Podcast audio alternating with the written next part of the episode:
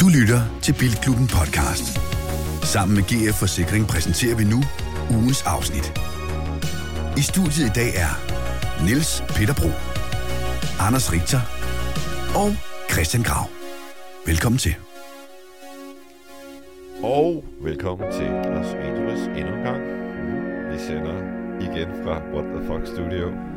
Man kan ikke andet end elske det navn. Og Hollywood Boulevard. Ja, og så også der, det er, det ligger også i New York, ikke? Altså, jo. det er sådan lidt international, det her. Very ja, men vi, der har vi valgt Los Angeles. Yes, yes, yes. Vi har valgt det samme studie igen. Vi lever drømmen, og hvor har vi dog bare oplevet meget siden sidst. Eller det vil sige, vi optager to afsnit træk, så vi har egentlig bare været på toilettet, hvis vi skal helt ned i øh, fintælling på Tak den. fordi du lige kommer med så. Ja, øh, men det skal da ikke afholdes fra at øse ud af jamen altså mange dages fedt program, pakket med vilde biloplevelser, som øh, vi tager dig med på. Øh, ellers er det jo bare Bilklubben, som du kender den. Der er nyheder denne gang. Der er brevkasse. Der er ugens bil. Mm.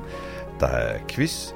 Og så er der lige noget, som er helt særligt, og som øh, har ramt os alle tre, og vi var øh, starstruck, vi var lidt i chok, vi var sådan, wow, bagefter, vi måtte lige have en kop kaffe, for i går, der mødte vi Porsche-legenden Magnus Walker Yes. ude på hans sted, ude i Los Angeles Art District, og ej, man har jo, altså, vi har jo været der så mange gange på Instagram og YouTube og så videre, men at stå der i virkeligheden og møde ham, crazy. Anders Richter, Yes, yes, yes, yes, yes. hvad glæder du dig mest til i det episode Jamen, her? øh, jeg må indrømme, jeg glæder mig allermest til at tale om øh, Magnus Walker, og det kommer vi til lige om lidt. Hvem Mm. dig, NP? Jeg, kommer, jeg glæder mig til, for jeg har fået ansvaret for at præsentere den bil, jeg er også chauffør for, jeg er i en Lexus LX600 Ultra.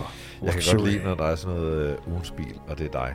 Eller sidste år, da du havde skaffet den der Rivian.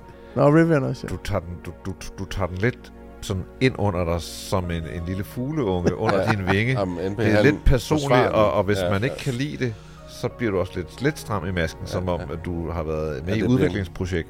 Det bliver en processen, eller, ting. ja, ja. Nå. Men det er skønt, det glæder mig også til. Så ugen, der gik, Mm. Ja. Hvem vil starte? jeg vil Jamen, gerne starte. Ja. Fordi øh, vi var jo på besøg, og her skal vi lige sende en venlig hilsen til øh, Mr. Karlshøj hjemme i Danmark, som hjalp os med at formidle kontakt til Magnus Walker. Men vi fik besøgt Magnus Walker, og det var altså en af de der helt store ting på min bucket list i hvert fald, at få lov til at komme indenfor hos ham. Øh, han var så venlig at åbne sine døre til sin garage, som ligger i The Arts District i LA. Øh, og det er præcis lige så fedt, som det ser ud på billeder. Ja. Det er præcis lige så fedt, som det ser ud på YouTube. Og han er præcis lige så cool, som han fremstår i diverse... startede med at være altså, Han- bundfrosen cool, Ej, vil jeg, jeg vil sige. så sige, Wow. han startede med, jeg tror, vi spurgte ham om én ting, og så sagde han, save it for the podcast. Save it for the podcast. Øh. og så var man sådan lidt, okay. Så satte han sig om bag sit skrivebord, mens ja. Vi gik rundt, og så sad han lidt og lavede sådan... Øh, han så på den, på den ene side var Ej, han, han meget sind og meget tålmodig, men ja. Han lignede lidt mig, når jeg står i kø i IKEA. Præcis. Altså, det var ikke... Jeg tror i virkeligheden, han var en slow starter. Og vi kom klokken 10 om formiddagen, og det var måske endda lige tidligt nok i Magnus Walkers øh, bog til at være sådan sprudlende og åben og så videre. der Men jeg synes faktisk, gamle- det var ret fedt, for vi fik så lov til, eller han sagde til os, at vi lige kunne gå lidt rundt mm. og finde ud af, hvad vi ville, og hvor vi ville, og det ene og det andet. Og der synes jeg bare, det der med at kunne gå rundt i alle rum og se alle biler og lige få skudt nogle billeder, og her må vi Ja. jo anbefale lige at gå ind på vores sociale medier og se de billeder. Og på hans. vil Ja, jeg sige. også på hans. Ja. Altså, øh, fuck, hvor var det fedt. Og det var sådan en stemning, der var af, at det her, det er jo ikke en samling. Jeg tror også, jeg har sagt det før, men det er jo ikke sådan en samling. Og alle de ting, der ligesom var, som du lige kan bygge op på en uge. Mm. Altså, det er et helt liv, du bruger på det her, ikke? Altså, det kan man bare mærke. Han lever bare Porsche-drømmen ud. Også det der, man kommer i Arts District, som i gamle dage var sådan et movie prop øh, kulissested, hvor man, øh, altså gamle fabrikslokaler og sådan noget, Ja. hvor han kø- køber det her gamle fabrik, og har ikke gjort noget ved den siden, tydeligvis. Og kvarteret så efterfølgende har udviklet sig til det der hippe, hippe, øh, kulturelle kvarter med restauranter, barer, kunstgallerier. Det er sådan lidt rentemestervej i Los Angeles. Ja, bare øh, om og 20 spark år, tænker jeg. Jo. Ja. Jamen, jeg synes bare, det var simpelthen... Øh, Og der jeg, var, jeg er stadigvæk sådan helt nu, når vi taler om det. Det var simpelthen bare en mega fed oplevelse at få med sig i bagagen. Ja. Og jeg synes, øh, altså vi kommer til at høre et interview med Magnus Walker i slutningen af det her afsnit. Et lidt længere interview, hvor han taler om nogle af de biler, han har. Men jeg synes lige nu, der skal I lige have to minutter, hvor Magnus Walker fortæller om den gang, og hvordan han egentlig kom til LA, og hvornår han kom til LA. Så det kommer her. Du lytter til Bilklubben. arrived about two miles up the road at Union Station at 5 a.m. in the morning in 1986. And that was the beginning of my love affair with LA. It was sex, drugs, rock and roll. It was Guns N' Roses, Motley Crue. It was everything I sort of was into as a teenager growing up in England. I watched a lot of American TV, Starsky and Hutch, Dukes of Hazzard, Chips, Rockford Files. A lot of these shows were set in LA and revolved around the car culture, factor in the music that I was into, factor the California lifestyle, the fact that the sun always shines. This was heaven for me. Coming from Sheffield, England to LA, it was sort of no contest whether I would stay in LA or go back to Sheffield. And long story short, I never went back to Sheffield. What was the first Porsche to enter the doors? Well, the first Porsche to enter the door, I, I had quite a few back then in 2000. The first Porsche I ever bought was uh, in 1994 when I was, actually 1992 when I was 25 years old, was a 74 slant nose conversion. that wasn't the first Porsche to enter this building, but it was the first Porsche I ever bought. The second Porsche I ever bought, ironically, became this car, number 277. Which is the most famous and iconic of your cars, I would Yeah, it's kind of become that way. You know, I did a collab with Nike. We have a sneaker, a dunk based around it. I've done collabs with Hot Wheels. That car's in the Need for Speed video game. But the sum of the parts of 277, it's nothing special. It didn't race Le Mans or Daytona. Started life as a 71 911T. I've owned it for 24 years. In 2002, I took my aggressive street driving to the track with the Porsche Owners Club, and over the next six, seven years, did 40, 50 track days a year in that car. Was that the car that kicked off like Urban Outlaw as well? Yeah, I mean, that car's featured in Urban Outlaw. Urban Out- Outlaw, as you know, it seems like you've seen it, is Tamir Moscovici's award winning short documentary, Yes. 32 minute film that debuted October 15th, 2012. Du lytter til Bilklubben. Og jeg havde jo så den store fornøjelse. Tænk, at jeg skulle stå og være faktisk lave en YouTube-film. Vi har jo lavet en YouTube-film. Vi fik lov at filme der jo. Ja, du var Ja, anker du- på den. Du var jeg, anker Ja, på du var anker på på var- at stå der med en mand, Man, man kunne godt Som- mærke, du var nervøs. som jeg kan bare synes var det mest coole menneske i verden, Ja. dengang jeg så uh, hans uh, Urban Outlaw film ja. første gang. Og nu stod jeg der med ham, og var... Hold kæft, man, jeg var sgu lidt Ja, nervøs. man kunne Jeg godt skulle- mærke, det var Ja, journalist men han var øh, god. Peter Bro, der lige var kommet til LA og skulle, øh, du foldede hænderne på ryggen og stillede alle spørgsmålene Ja. og så videre. Og så videre. Jeg prøvede også at drille ham lidt. Jeg prøvede lige at... Ja, men ved du hvad, han var så hurtig i replikken, at ham kunne du ikke løbe om hjørnet med. Men han styrede bare det der interview Ja, ja, 100%. fuldstændig. 100 procent. Men Og det- han- altså, Og man kan også... at han startede i dybfryseren, men Ja. han, var, han var fuldt optøet, da vi gik. Det vil sige. Præcis. Ja. Jamen, fordi da først snakken gik i gang, og han også forstod, at vi var jo selvfølgelig number one podcast of uh, car podcasten. Man ligesom sagde nogle gange, og lød måske en smule sarkastisk, men øh, der, det kunne ikke vi, imponere vi ham. skulle ligesom overbevise ham om, at han skulle tage sig tid til os, så den fik ikke for let på alle gulvhjul. Ej, det, det, det er en sætning, han har snappet op fra, da vi spurgte om lov til at komme, ikke? Men det sjove er, at han har jo øh, i sit hus, han har købt et hus op i Hollywood øh, Hills, hvor han har to Rolls Royces, gamle, han kører i. Og så var der jo faktisk også ude i gården, der holdt en E-type Jaguar, der var en 308 GT4 Ferrari. Enig. Ja, så det er jo ikke kun Porsche, han Nej, inde. han kører lidt af hvert. Der var øh, en Corvette, Ja, en C3, tror jeg, eller en C2. ja. Altså det skal siges, han er jo øh, kæreste med øh, en, der hedder Hanna, som også er faktisk meget inde i bilmiljøet. Hun er så øh, journalist, og som jeg har forstået det, så er hun ligesom sådan en motorjournalist for Bloomberg Media, øh, blandt andet i hvert fald. Ikke? Så hun er sådan ret om i Og bogen. jeg tror godt, hun kan lide at ryge sjov tobak. For der var i hvert fald noget, der lugtede. Øh, Nå, hun var der ikke. Vi kan da ikke antyde, at hun sidder og ryger short tobak. det er jo lovligt herovre. Ingen ved, hvem der røg noget. Nej, der der var var, nogen, der der røg noget. Ja. Og det var ikke Magnus Walker. Men det var Det, også- det hunden, kan være, der var noget Der var en sød hund. til gaden, eller Det det, tror det, jeg. det, Og vi havde jo også Der nogle, var en sød nogle gode spørgsmål for lytterne. Jeg tænkte, vi, at vi kunne uh, tage dem nu her øh, og uh, give svar på det, fordi vi nåede ikke lige helt uh, at stille dem til Magnus. Ej, vores uh, topjournalist, uh, Peter Bro uh, i LA, han nåede ikke lige at få alle lytterspørgsmålene med i den der. Vi fik jo talt med ham ret meget off camera og mikrofon, og mange af de ting, lytterne spurgte om, fik vi faktisk svar på. Uh, så det kan vi svare på på Magnus' vegne. ja, jeg synes jeg, vi fik et øh, meget elegant svar på, om man kender danske Jan Kalmer, og hvad synes han? Hvad gjorde han med det? Han kendte ham. De havde kørt igennem Australien. Og Han var, who's that guy that keeps sending me WhatsApp messages? Do you know him? Do you know him? Jeg tror, Jan han er meget aktiv på WhatsApp. Det Ja. lyder det som om. Ja, Så øh, Så ja. Ja. ja, Ja. ja. Jeg kender også Tom Christensen. Dem, Ja, ham var han og- glad for. Det, Der er der ja. jo lige fun fact of the day, det er, at øh, Magnus og Tom K.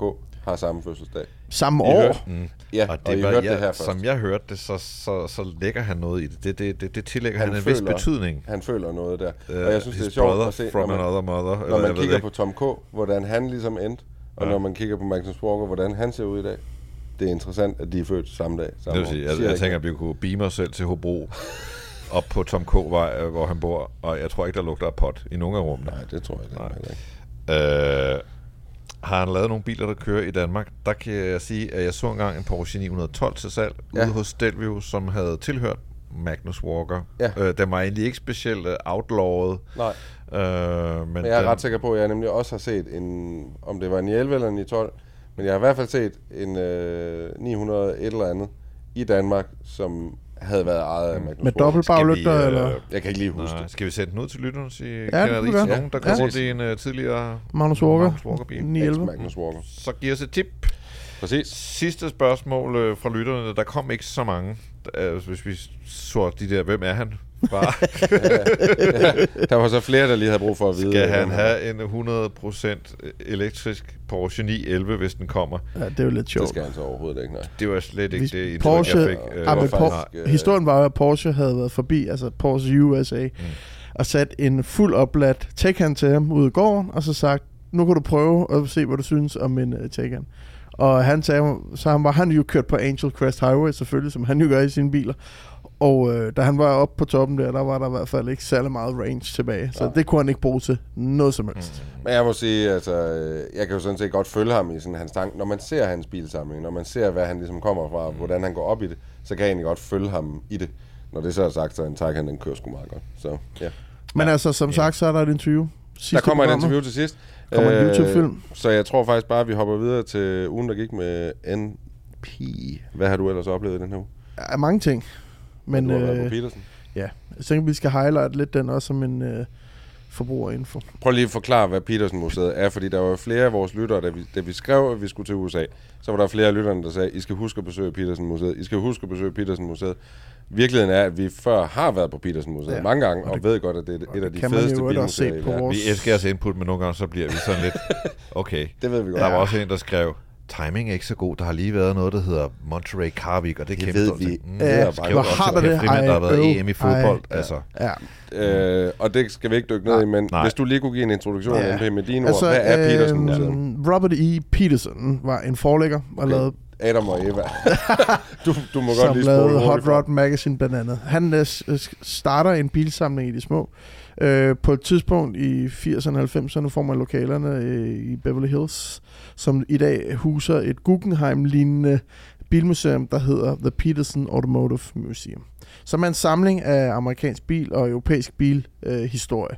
det er øh, et, et, en, en, består af en statisk udstilling, og så er der mange øh, seasonal udstillinger i museet, og under museet er der en kæmpe p-kælder, som hedder The Vault, hvor de ligesom opbevarer alle de her specielle biler. Og der står rigtig, rigtig mange specielle og filmbiler, fordi man i USA har et system, der hedder, firmaer kan få tax write-offs ved at donere øh, gaver til museer eller velgørenhed, og dermed er der rigtig, rigtig mange store firmaer, der hvert eneste år donerer, øh, i stedet for at betale skat, køber de øh, Jack Nicholsons Mercedes eller whatever, og donerer den til det her museum, mod at få deres navn på. Det går til sundhedssikring.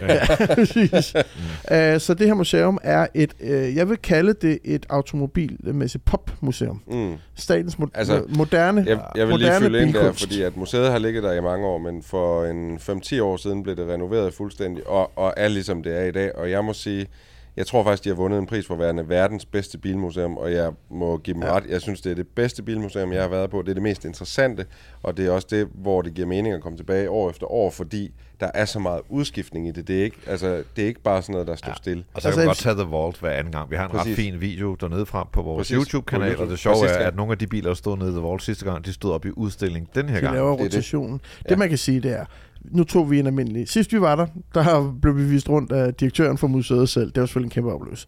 Nu øh, var vi der i øh, går, øh, skrivende stund, og der øh, købte vi bare almindelige billetter til 20 dollars, tror det koster per billet.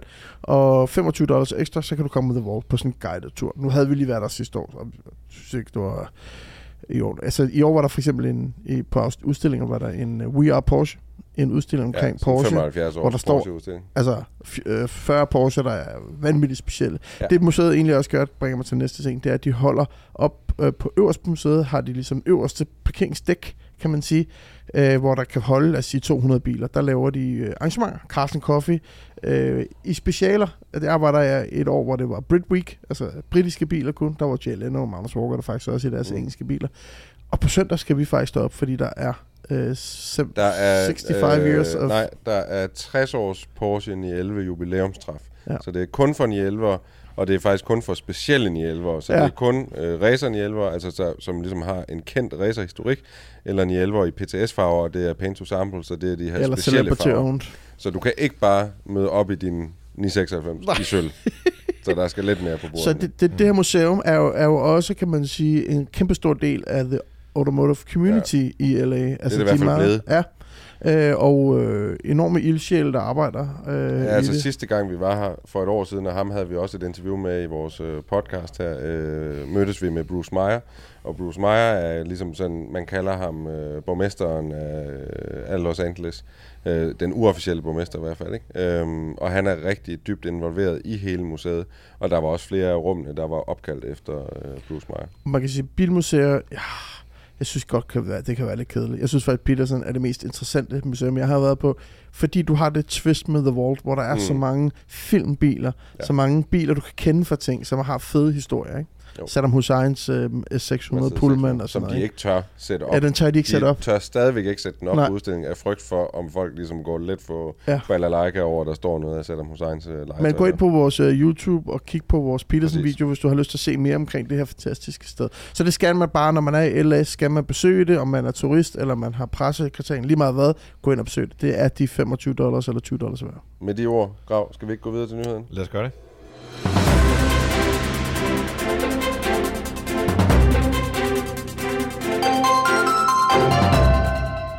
Vi starter i England. Jeg er jo Bilklubens officielle Rolls-Royce ambassadør. Ja. Og jeg skal da lige love for, at der er sket noget i Goodwood den her sommer. De har vist to nye coach-byggede, det hedder det ikke på dansk, skræddersyede Rolls-Royces.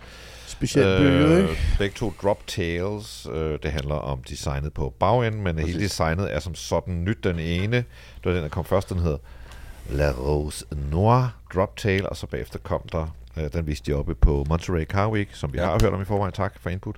Øh, og den anden, den hedder Rolls-Royce Amethyst drop tail, og øh, den er så kommet ud her efterfølgende. I forhold til det her med coachbygget, der må sige, du kan jo købe en Rolls Royce, det er altid en helt vild bil. Så når jeg siger, du kan købe en standard Rolls Royce gængs model, få den i gængse farver og gængs indtræk, trimme den, det bliver altid individuelt, for der er så meget at vælge imellem. Mm. Øh, det er allerede, allerede det er det, er det super fedt. Ja. Men ideen med Rolls Royce er jo også, at man kommer, nej, en Bentley er ikke god nok. Det skal være sådan, og det skal være sådan, og det skal være sådan. Og øh, hvis man har det sådan, det er også derfor, at når man køber en brugt Rolls Royce, det er sådan lidt sådan, andre har taget alle de valg, ikke? Stadig en fed bil. Men okay, hvis man Jeg har det sådan, det, så kan man jo tage en gængs model, og så kan man få den bespoke. Mm-hmm. Og det vil sige, det der, hvor man synes, nej, neglelakken, det skal være den, min afdøde hustru altid havde på, og så har man et sample af en negl, det ved jeg ikke, hvordan man gør rent teknisk, og der skal man nok spørge om lov, og måske grave op, men, og øh, ja. det kan også spørge, men ja, godt. Øh, familiens våbenskjold præget ind i læder, men man kan også gå bes, øh, altså coach Jeg hørte faktisk om hos- en engang, Ja. der fik øh, lavet, øh, at træpanelerne blev lavet af et træ fra hans egen grund, som blev skåret ned, og så fik, blev det sendt til Rolls-fabrikken, mm. og så skar de det op og lavede det til træpaneler i hans Rolls. Bare lige for at Lyk- sige, Og- lykkelig og for, det at det ikke var noget med negle, bespoke øh, du det- skulle til at sige der. ja, Nå, men man kan også få coachbygget en Rolls Royce. Det vil sige, at man får Rolls Royce Design Team, som jo er anført af Anders Warming fra Danmark. Øh, man får dem til simpelthen at lave en bil til sig selv, fordi man synes, mm, ah, Mm, sådan det ikke der, det er ikke lige mig, nej. Øh, og det er der nogen, der har gjort nu. Man har altså lavet de her to drop tails. De- kommer til at lave fire af dem. altså fire forskellige, eller fire, fire, forskellige. De er så trimmet okay. forskellige retninger efter, hvem der bestilte den. Den ene var noget med en diamantfamilie, og Pitsner? Er det Det, Pilsner? nej, nej, jeg tror ikke. Den hedder Amethyst på grund af selvfølgelig øh, diamanter og så videre, og så var der noget med interiøret var inspireret af en farve, der var på en blomst ude i ørkenen i nærheden af, hvor de boede. Ja, okay, det, Det lyde lyder ikke så pit. Oh, Der det har kunne du faktisk det- var der ikke noget med øh, emiraterne? Det kunne godt Det være. kunne godt være Pilsner. Det, Ja. hvis Der er jo, nogen af øh, lytterne, det, ved og der det, har du den helt store forskel på at være stor i Danmark og stor i LA eller USA. Mm. Så får du altså en Rolls Royce opkald efter dig. Ja, altså under alle omstændigheder, det er drop tails. Det vil sige, det er især øh, hækpartiet, bagenden på Er, bilen. er den i familie med den der JC øh, Boattail? Mm, nej, Boattail har faktisk også sådan lidt... Altså, det er jo også det er jo en helt særlig måde at lave, ligesom en gammel Alfa Romeo, Ja. hvor, Ja. hvor både, det, der er meget båddesign over bagenden på en Boattail, sjovt Ja. nok. Uh, Droptail, den er sådan mere... Det er lidt andet design. Vi har lagt billeder op på øh, vores Instagram og vores Facebook, som altid. Men altså, det giver bare den her... Jeg går ud fra, at man er startet med en Dawn, deres cabriolet, og så har ja. man bare redesignet øh, eksteriøret. Og fordi den har den der bagend, så bliver det sådan lidt svulstigt, spændstigt, langstrukken design.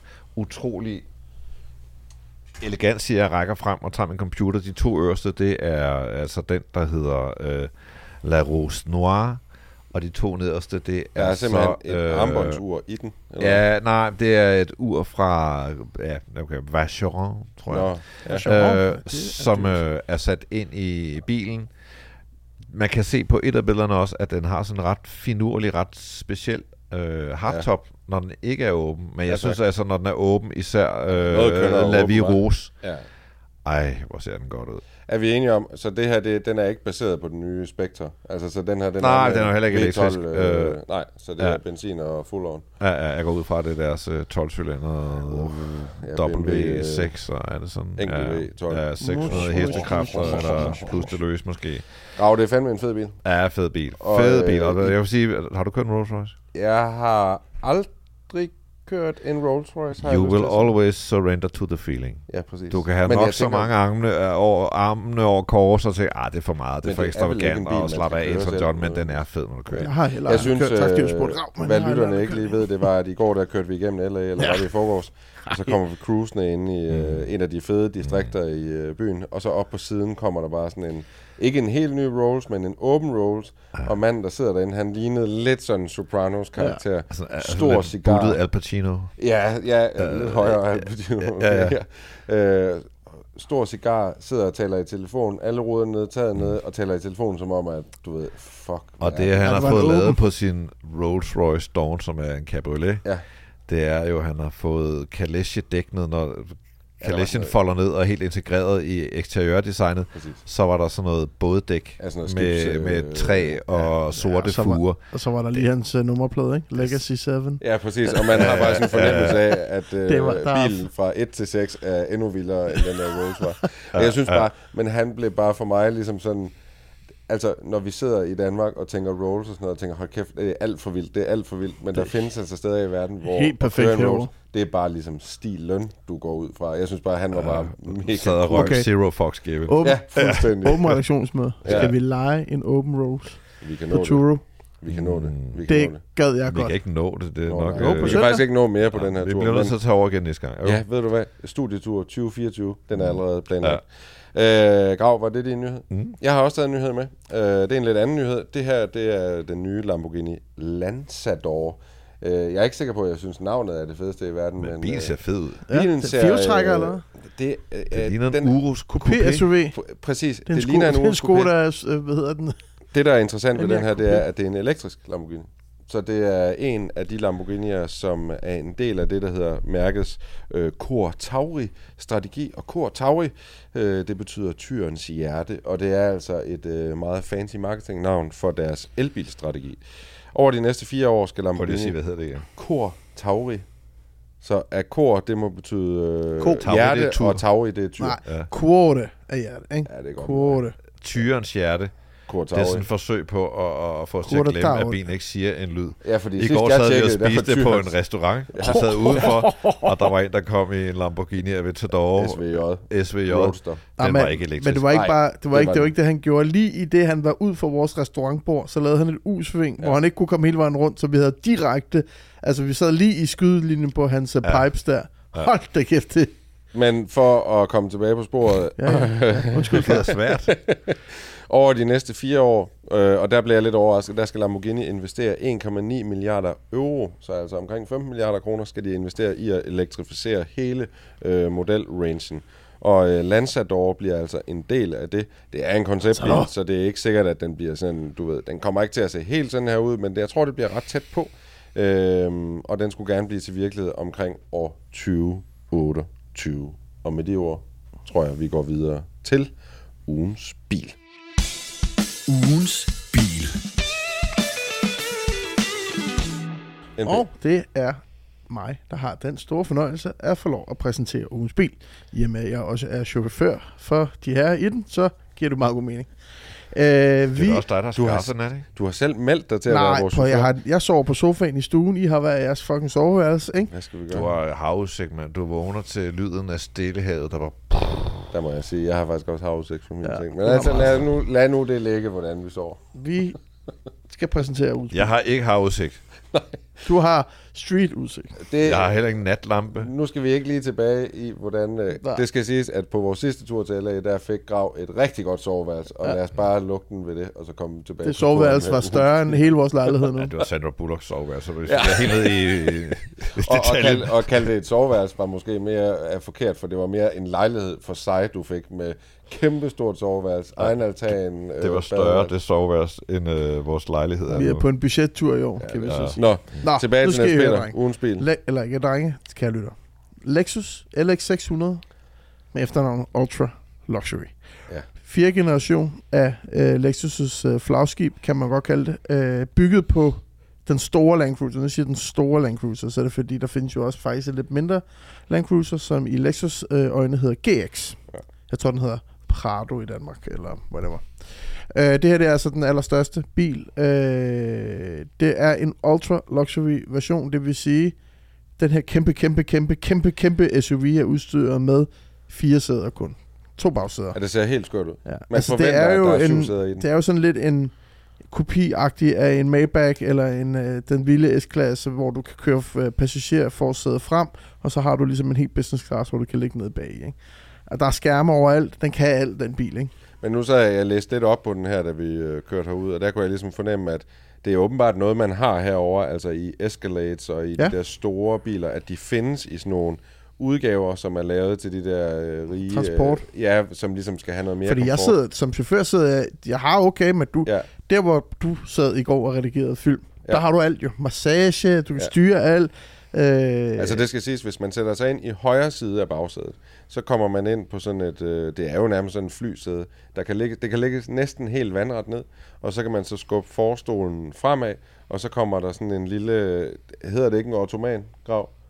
Øh, pas. Nå, men jeg tror, det hedder en automat. Sådan en lille sådan en øh, hylde til dine fødder, du kan lægge dem op på. Og der ligger du altså simpelthen så fantastisk godt. Jeg Det skal kørte engang i en uh, BMW 7-serie Ja, pressebil med mine to unger. Vi tog en tur til Silkeborg og Aarhus. Jeg har sikkert Det haft et foredrag. Øh, Ja, ja. så vi, ja, godt. Vi var rundt, og så skulle vi på Mac'en. Det var et billigt trick at tage, når man har kids. Du ved alt ja, om det. Ja, det er et godt Og træk. så uh, Pelle, han sidder bag i uh, det helt store direktørsæde, og han har så, det, de kan jo ikke styre, de skal lege med sådan nogle ting, der kan Præcis. gå op og ned, ikke? Så har han lagt uh, en cheeseburger på den der ottoman, Ja. og så uh, tænker August, vi lukker lige. Nej. Og så begynder den der ottoman at lukke, og jeg sidder foran, og så, så tænker jeg, bum, jeg skal, at den har lyst læder, ikke? Jo, Og jeg tænker, jeg skal ikke have sådan en cheeseburger mast ud mellem ottoman og sæderyg. nej, tak. Så jeg, jeg sidder jo bag rattet, og så rækker jeg ligesom tilbage, og så griber den her cheeseburger og trækker hånden tilbage, men så den lukket så meget, så min hånd sidder fast. og den der, den bliver bare ved med at lukke, og Åh, det nej. gør, at den, den, den stopper den ikke, stopper fordi der er ikke? lidt modstand. Det gør så fucking ondt. Og jeg sidder og skriger, og mine unger bliver bare, hvad gør du? Og så, åh, endelig får det lige stoppet den der, ikke? Jeg troede, at min hånd skulle blive knust. Altså, Kæft, jeg skulle redde, og det var for at redde en cheeseburger. Det var Ja, ikke for at redde cheeseburger, det var for at redde bilen, men jeg tænkte, åh oh, nej, altså, nu ender det med både cheeseburger, smadret sæde og smadret hånd, men uh, ja, der skete ikke noget med hånd. Men det er- Det dunkede i min hånd hele vejen hjem, altså. Det er altså en bil, som er bygget lidt til Uber Lux segmentet, Ja, tænker jeg. Ikke? Øh, den er ikke bygget, det er også derfor, der kun er de der to bagsæder. Det er ikke, der er en personlig assistent, og så er der en VIP og en chauffør. Og Jeg kan det, sige, Jeg har øh, haft nogle Lexus igennem øh, som ugens bil tidligere, og, og lad os bare være ærlige og sige, de, har- de har fået nogle tæsk. Jeg har sgu ikke været super imponeret, og noget var det elektriske, og noget var lidt plug-in, og der var ikke rigtig noget, der gjorde en forskel. Den her, Jeg kan godt afsløre. Mm. Det her, det er en fed Lexus. Altså, Ja, det, ja. det kan godt være sådan, den er, den er måske ikke, det er ikke en smuk Lexus, men det er i hvert fald en Lexus, du lægger mærke til, når du ser den. Den ja. har simpelthen en grill, der er så stor og så lang, og den bliver bare ved i en uendelighed. Du kan ikke undgå at lægge mærke til den. Jeg synes, jeg synes faktisk, looket herover igen er det sådan en bil. Herover er den fed. Det mener du? Derhjemme, den er, ikke, den er jo fed sådan på sådan lidt i nu øjnene. trækker jeg Bronco op, fordi jeg synes, Prøv lige at høre. udseendet var så nice. Den her, der jeg skal abstrahere fra, hvor grim den er. Især fronten. Altså, Jeg synes faktisk, det, den er det er værre ligesom bagfra. en lastbil Ja. f- Det front. synes jeg Det, er ligesom, du har sat en, fronten fra sådan en 18-wheeler truck, bare sat det på en SUV. Det, det, det er det mega ser fedt. absurd ud. Plus den har den der timeglasform, som også er lidt særlig.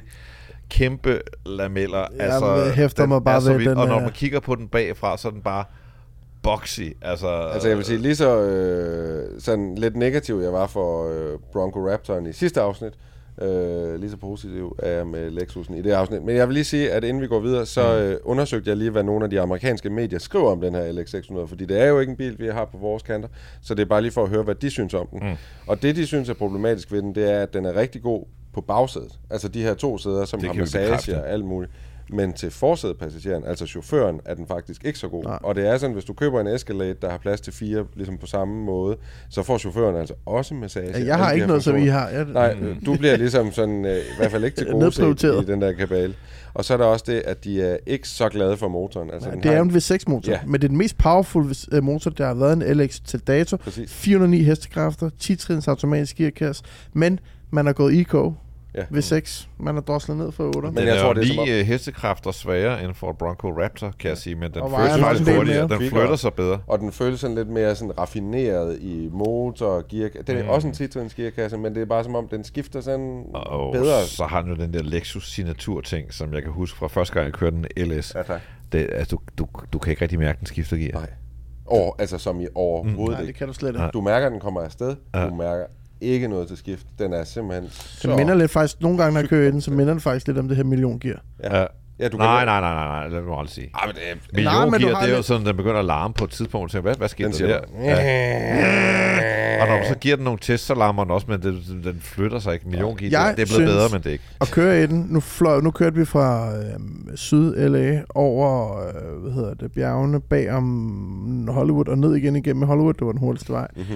Jeg synes sgu, jeg fløj meget godt igennem de der motorveje og de der dårlige veje og sådan noget. Så sæt med det bare. Jamen, jeg synes bare, øh, ærligt ikke, jeg er bare helt, altså, men det er også fordi, jeg køber helt ind i den her Lexus tankegang. Altså, jeg synes Lexus i USA, mega fedt. Lexus derhjemme, de modeller, vi har, ikke lige så fede. Men øh, jeg er vild med den. Ja. Jeg glæder mig til, at vi skal Ja, give det, points. ja, men skal vi gøre det nu? eller? Skal vi give den nogle Ja, point? er vi klar? Jeg jeg er, jeg er født klar. Jeg vil gerne sidst. Vil Ja. du gerne sidst? Jeg kan sige for mit vedkommende, udseendet trækker ned, ellers er jeg ret glad for den. Den får 20, og jeg, jeg er bange for, at jeg synes, Synes det er lidt for det, meget. Det, det, synes du, det er lidt? For jeg vil også give den 20. Nå, Ja. ja. godt. Jamen, nej, men øh, jeg synes, det er lidt meget. Men, øh, men det er der, jeg er, og det er fordi, den er enormt nice, når man er inde i den. Ja. Ja. Den, den mangler ikke noget.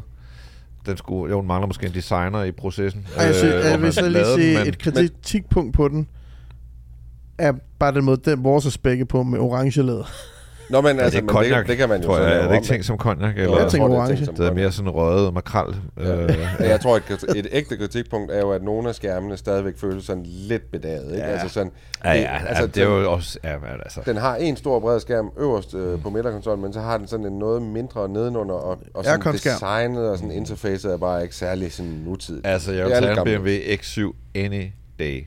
Det siger jeg bare. Den Ja. er så meget federe, og, og det, det er jo i den kontekst, jeg tænker, så er 20 måske lige til den friske side, men jeg vil måske også give en X7. Men for, der har øh, den en fordel 25. herover, og det er prisen. Fordi at den her bil, og med det den kan, er langt billigere end konkurrenten. 130.000 Også billigere US dollars. Escalade, også billigere end uh, Lincoln Navigators osv. Nå, jeg giver den 20 point.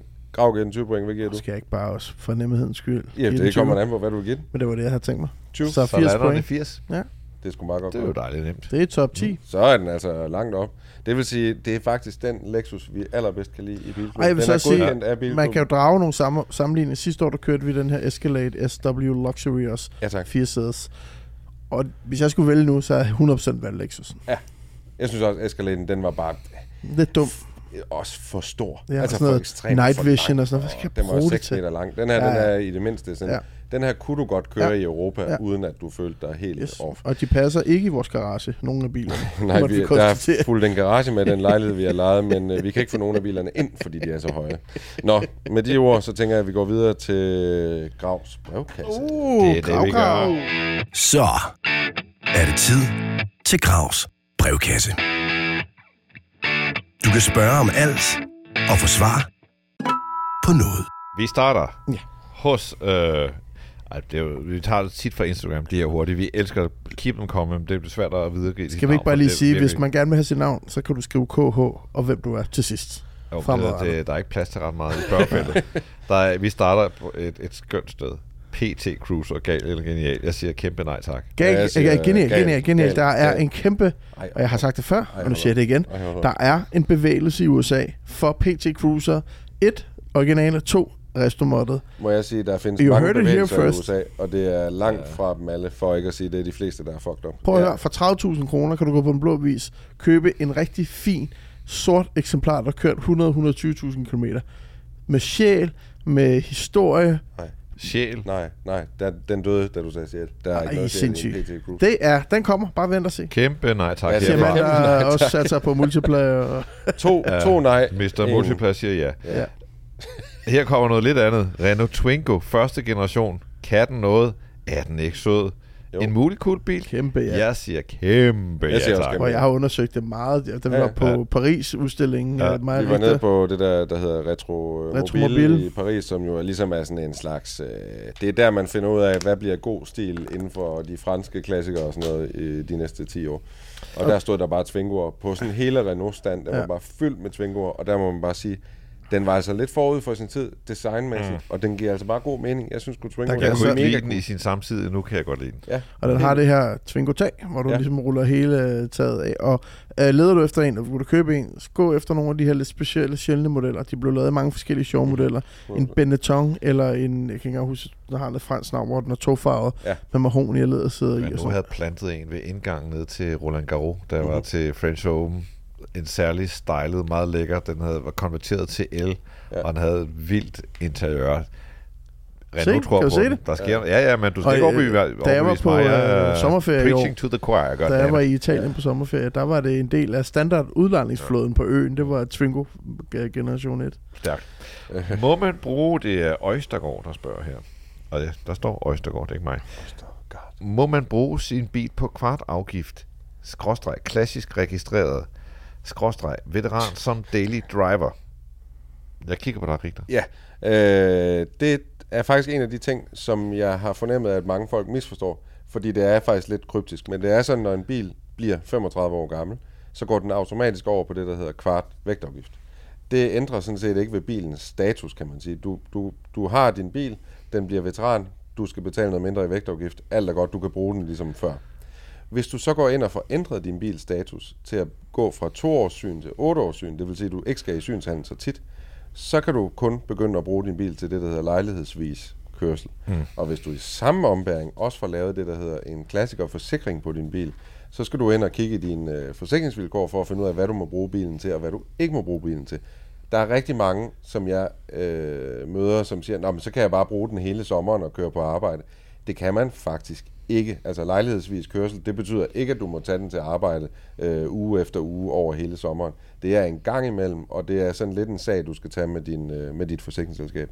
Selvfølgelig, altså, det er jo ikke sådan, der sker noget ved at gøre det. Du bliver ikke stoppet af politiet, og så spørger de, hvad er dit ærne? Er det lejlighedsvis kørsel eller ej? Ja, jeg Det er skal jo mere- lejlighedsvis på arbejde. Ja, præcis. Det er jo mere i det tilfælde, at der skulle ske noget, der involverer din forsikring. Og så kan din forsikring altså stille sig på bagben og sige, jamen, du har ikke brugt bilen, som du har skrevet under på i din øh, Nej, den, den er blevet stjålet fra din arbejdsplads. Hvorfor er den blevet Ja, stjålet derfra? præcis. Altså, og det er det ikke, hvor man kan sige, at jeg kørte kun den her ene dag, Men- Men, og der er forsikringsselskaberne, de går altså, altså så går de ind og undersøger. Men min 123 er jo øh, veteran. Jeg tror, den er 8 års syn, og, og jeg har bare brugsveteran på den. Jeg bruger den jo bare. Ja, ja, men du kan også godt få en forsikring.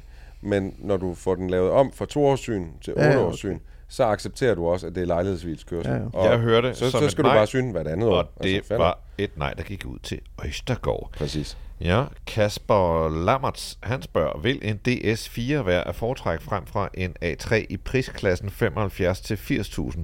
Jeg synes jo, de der DS'er De kan noget. er ret fine, mm. og det, kvaliteten på dem, altså læderet og sådan, altså det, det er Ja, ret er lækkert lavet, høj detaljegrad, så på den måde vil jeg sige over sådan en standard Audi A3, som ingen får øje på, og som føles meget standard, der kunne jeg godt finde på at tage den. Når det er sagt, så synes jeg lige præcis, DS4 er sådan den kedelige. Jeg kan godt lide Ja. DS3, Ja, jeg kan godt lide DS5 især. Rigtig, rigtig fed, og så er der kommet nogle efterfølgende, hvor det ikke er Citroën mere, men altså DS4'en er sådan lidt kedelig en, en C4 med sted, storhedsvandvid, men stadigvæk den er meget mere spændende øh, end en, øh, en Audi A3. Men økonomisk set, tror jeg, at A3'eren er en bedre. Ja, Ja, førermæssigt. altså- på mange områder er A3'eren bare en bedre bil, men Ja, den Altså, har du er på ja på DS4. Jeg, jeg er ikke... Jamen, det er fordi, jeg godt kan lide at skille mig lidt ud. Jeg Samme tænker, her. så har man noget, som ingen andre har, hvor man siger, Samme. Hvor jeg forstår dig sort Audi, det, kan- det, det, altså, Jeg må bare sige, øh, jeg, jeg er ikke så Rigtig, du er lidt mere normal. Du er lidt mere Jamen, jeg tror bare, jeg synes. DS'erne, da jeg var på Bilmagasin, der fik vi dem jo tit ind med DS4, DS5 og det ene og det andet. Jeg synes bare, de blev meget sådan noget mærkeligt bling-bling inde i, og knapperne var forkromede, og alt var sådan lidt liret. Og... Mm. Men jeg vil give dig ret i, at de føles mere lækre, end franske biler, sådan franske luksusbiler ellers gør. Men jeg er nok mere bare til en Audi. Kedelig Audi. Det Skal ved vi slutte med øh, Mikkel Pløenhaves svar? Ja, tak. Uh, og som er et spørgsmål. Ja, tak. Sjov bil til under 50.000, hvad vælger I? Jeg vælger en 2CV. Altså under vælger en 50.000, der, der kan du sgu finde øh, noget 2CV, som er meget fint. Øh, så den går jeg med. Det er også en simpel bil, så hvad der måtte være, det, det, det bliver ikke så slemt. Jeg vælger en uh, Morris Mascot, eller en Mini, altså sådan en gammel Mini. Jeg synes, øh, jeg har en kammerat, der engang købte sådan en Mini, du ved, fra øh, slut 60'erne eller sådan noget. Mm. Og da jeg så på den, og tænkte, den har, du ved, 30 hestekræfter. Det kan overhovedet ikke blive sjovt.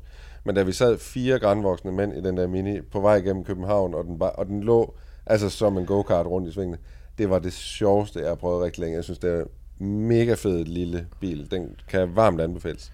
Og du kan få alle reservedele til den stadigvæk. Hvad siger du, Andy? Hvis du gør dig lidt umage, så kan du godt få en Fiat 500. Altså en gammel? Ja. Jeg har altid synes, at hold kæft, den gider ikke sætte mig ind i. Altså, men jeg Ja. havde jo en i min øh, garage, og ja. den har bare stået over i hjørnet længe. Og så solgte vi den, og så skulle jeg levere den til kunden. Og jeg er nødt hver sekund af at køre den bil. Den er rent faktisk mod al forventning gearet sådan, at du faktisk går i 4 gear ved 80. Altså, den er, den er faktisk meget, meget hurtig, og kører, den kører Sagde du lige, Virkelig godt. original Fiat 500 er hurtigt?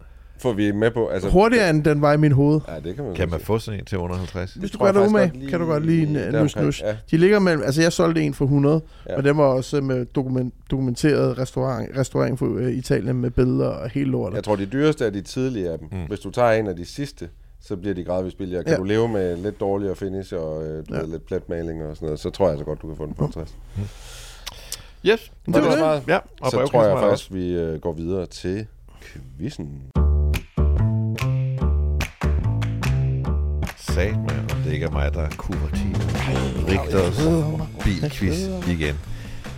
Jeg tror, jeg han kan har lure haft dig, rigtig travlt med at klippe ting til på vores YouTube og vores lyd og alt muligt mærkeligt, så det er ikke fordi Rigter ikke laver noget, hvis du sidder og tænker det derude. interviews, jeg har siddet og klippet sammen her. Nå. Kæmpe stjerner. I øvrigt, altså, øvrigt også lige en kommentar til Magnus Walker. Det er jo en af de eneste gange i vores 107 episode lang historie, at vi faktisk har noget på ren engelsk.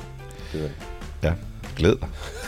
Øh, Og det er ikke lige Nej, Nej, det er ikke lige nu. nej, jeg har lavet en nem quiz, tror jeg. Nå. Så har man sgu prøvet det med. Ja, ja. Men der kan er lure otte dig. ledetråde. Jeg, Jeg kan skal lure have dig. et Jeg kan simpelthen lure dig. Vi er i, bilmærke øh, og et bu- bilnavn. Bilen, jeg tænker på, er en model, der er grund til at associere med USA, og måske især Kalifornien. Ja. er det det? Er Især det? Kalifornien. Var det en ledetråd? Ja, måske især. Ja, Må jeg ja. Toyota Prius. Nej. Det var et godt bud. Det var, jamen, det var et fantastisk bud. Altså, øh, en bil, der især er og, øh, med Kalifornien. Jeg mener, der var en Ford Mustang engang, der hed California, så lad mig prøve at tage Mustang.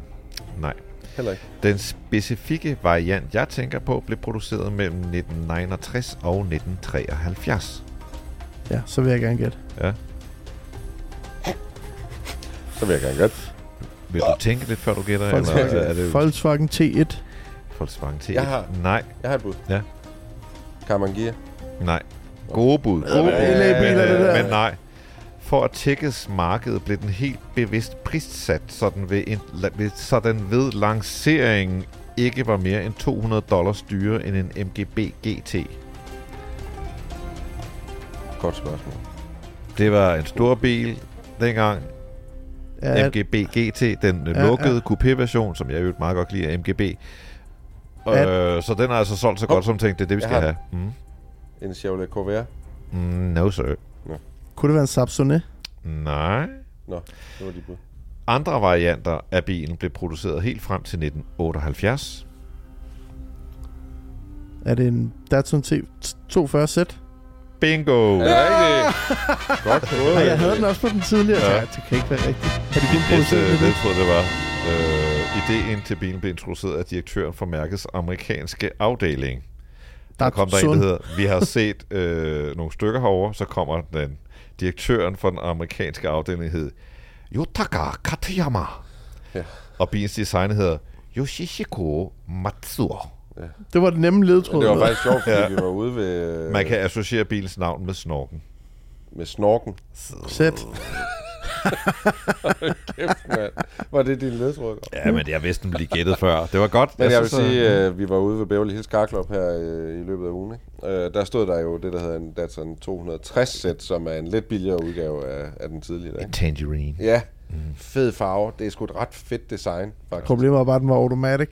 Var den det? Ja, det er ikke så sjovt. Nej, det er Jeg har engang kørt en. Jeg tror, Nissan måske stadig har. De havde i hvert fald en rød Datsun 240 sæt. Den kørte altså sådan lidt snorketræ. Gjorde den det? Ja, det er, jeg, er jeg, er blød, jeg er blød over bilen. Jeg synes, den er så fed.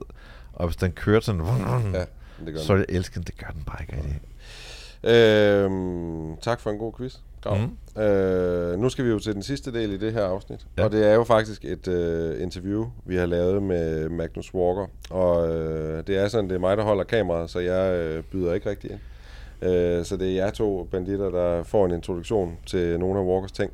Jeg er spændt på, Øh, hvordan du klipper det sammen. For ja. virkeligheden var jo, at øh, det, jeg skulle Altså, altså, være NP, øh, jeg skulle være ankermand, men så på et tidspunkt kunne jeg ikke holde mig tilbage. Nej, Så altså, begynder jeg at stille nogle spørgsmål, og så laver Magnus det der med, at så begynder han at kigge på mig, Præcis. svarer. Og det er sådan Præcis. lidt mærkeligt, og så tænker jeg, det er nok bedre at gå ind i billedet, fordi ellers så tænker jeg, hvem er det, han kigger på? Om, altså på vej derude, der Ja. var vi jo diskuteret meget, hvem der ligesom skulle være tårholder på Ja. ja. det her projekt, og så var det Grav, så var det NP, så var det Grav, så var det NP. Øh, og i sidste øjeblik bliver det lige NP, der får øh, interviewrollen der. Og det, der er svært i interviews, det er jo at holde altså styringen med et Mm. interview. Og det, der er rigtig svært at holde styringen med, det er, når personen, du interviewer, faktisk har sin helt egen agenda. Og, og, og styrer faktisk bare meget. gerne, gerne selv vil styre interviewet, og gerne selv vil styre, hvad det handler om.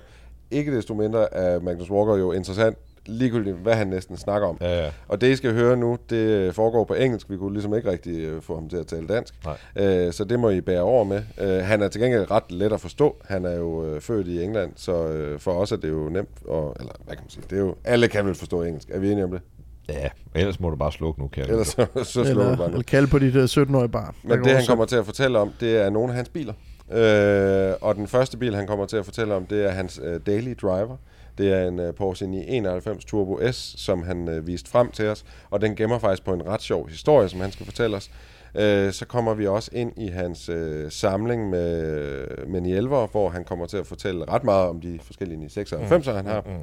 Og så kommer vi også til at høre historien om, da han på et tidspunkt havde øh, ikke bare en eller to eller tre, men hele syv øh, Porsche 930 turboer på samme tid. Og Magnus Walker er også så heldig, at han har den 930 Turbo, som er den allerførste, der blev solgt i USA.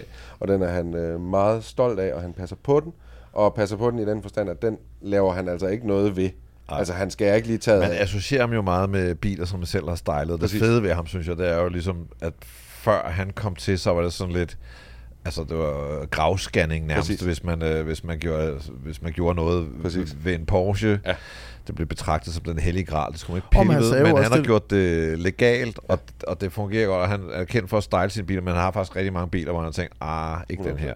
Men han er jo det også, dengang han startede, var Porsche sådan noget, du fik smidt i nakken jo. Der var Ja. ikke nogen, der synes det var spændende. Nej, men det er jo bare, der er bare sket noget med Porsche-priserne generelt. Ikke? Ja. Men når det så er sagt, så fortalte han også, og det er så ikke med i det her interview, men han har en i 96 øh, Carrera 2, som han købte for 5.000 dollars. Ja. Og det var altså en velfungerende, velkørende Carrera 2, som godt nok havde gået mange kilometer, men det er bare for at sige, at på et hvert givet tidspunkt, så findes der jo Porsche 911, som er billigere end de andre, så det er jo bare et spørgsmål om, hvor man ligesom, øh, hvad man kan acceptere. Men det er meget sjovt, at i hans samling, der var der faktisk en overvægt af øh, hvad hedder det, for, øh, mo- motor i foran, hvad, hedder, hvad kalder man, Nå, altså en front, 24'er? ja, Ja, og transaktion 44, på Ej, der var ikke en overvægt. At de Ej, fleste der- af dem, man har, det er en Ja, det holder lidt med siden af, det er rigtigt. Men det er rigtigt, at han har et svagt punkt for de, der hedder Transaxle Porsche, og hans svageste punkt er faktisk for 928. Mm. Så har han også 924 og 944 og 968. Han har jo alle. Det er jo Ja. også det, han sagde, at når han samler biler, så vil han jo gerne have en af hver. Og det er ligesom det, han er og i gang med. han sagde jo faktisk, the next big thing. Er det med i interviewet, eller skal vi... Det kan jeg ikke lige huske. Porsche Boxster, det mente han jo var det næste. Okay, men...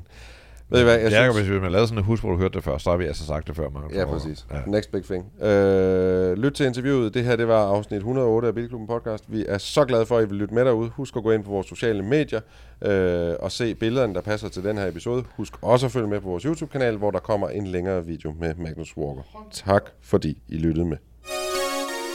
Du lytter til Bilklubben. So, this is a very interesting story.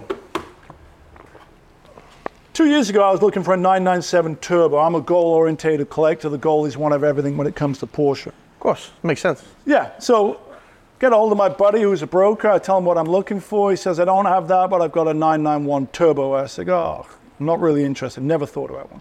He goes, You're going to like this one. I said, Why? He goes, One owner car, 160,000 miles on it, pennies on the dollar. So I go down, I buy it straight away, but I, I'm not in love with the car. It does everything right, but it's kind of common here in LA. I don't get out of it and look over my shoulder. You know, it's it's fast, but it kind of lacked a bit of soul. I thought at the time. But what changed was I took an 800 mile road trip from here to Moab in a day.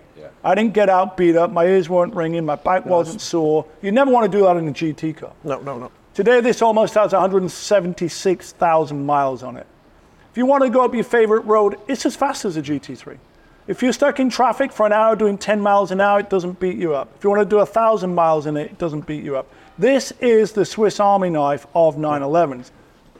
So the first 996 I bought was this mm. 04 GT3. GT3. The second 996 I bought was this 02 GT2. This, similar car to the Turbo S outside, lifelong LA car, I'm the third owner. I bought it, had almost 90,000 miles on it, on a GT2. These are reliable cars. The third one I bought was the Aero Kit one right here, the 99. Do you ever ever drive it still, or Yeah, I drive it. time to time? you know, things rotate. Yeah. It depends. You know, for me, I like variety. Yeah. So having variety of cars is, if I want to imagine 1966, right here, boom, I'm back to 1966. So I like variety. It depends where you want to go and how you want to get there. You know, I'm known for modifying, but half the cars in here are not modified. Like this is the first US turbo ever sold. Also, you know, documented by the factory. Another lifelong LA car, been painted numerous times And used. and used. Other than lowering it and putting it on wider wheels, this is not modified. I'm not going to hot rod the first US turbo ever sold. No. This is just way too of an important car. You know, these early turbos, you know, that's the 75 right there, the ice cream metallic one. They made 284 of them in 75.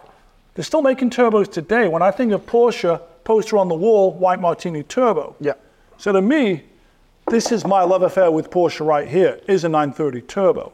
By today's standards, these are you not great performing cars, you know, but there's a real reward to getting the most out of the performance. 12 gears, turbo boost, poor brakes, everything you know about them, right? And you recently sold one, right?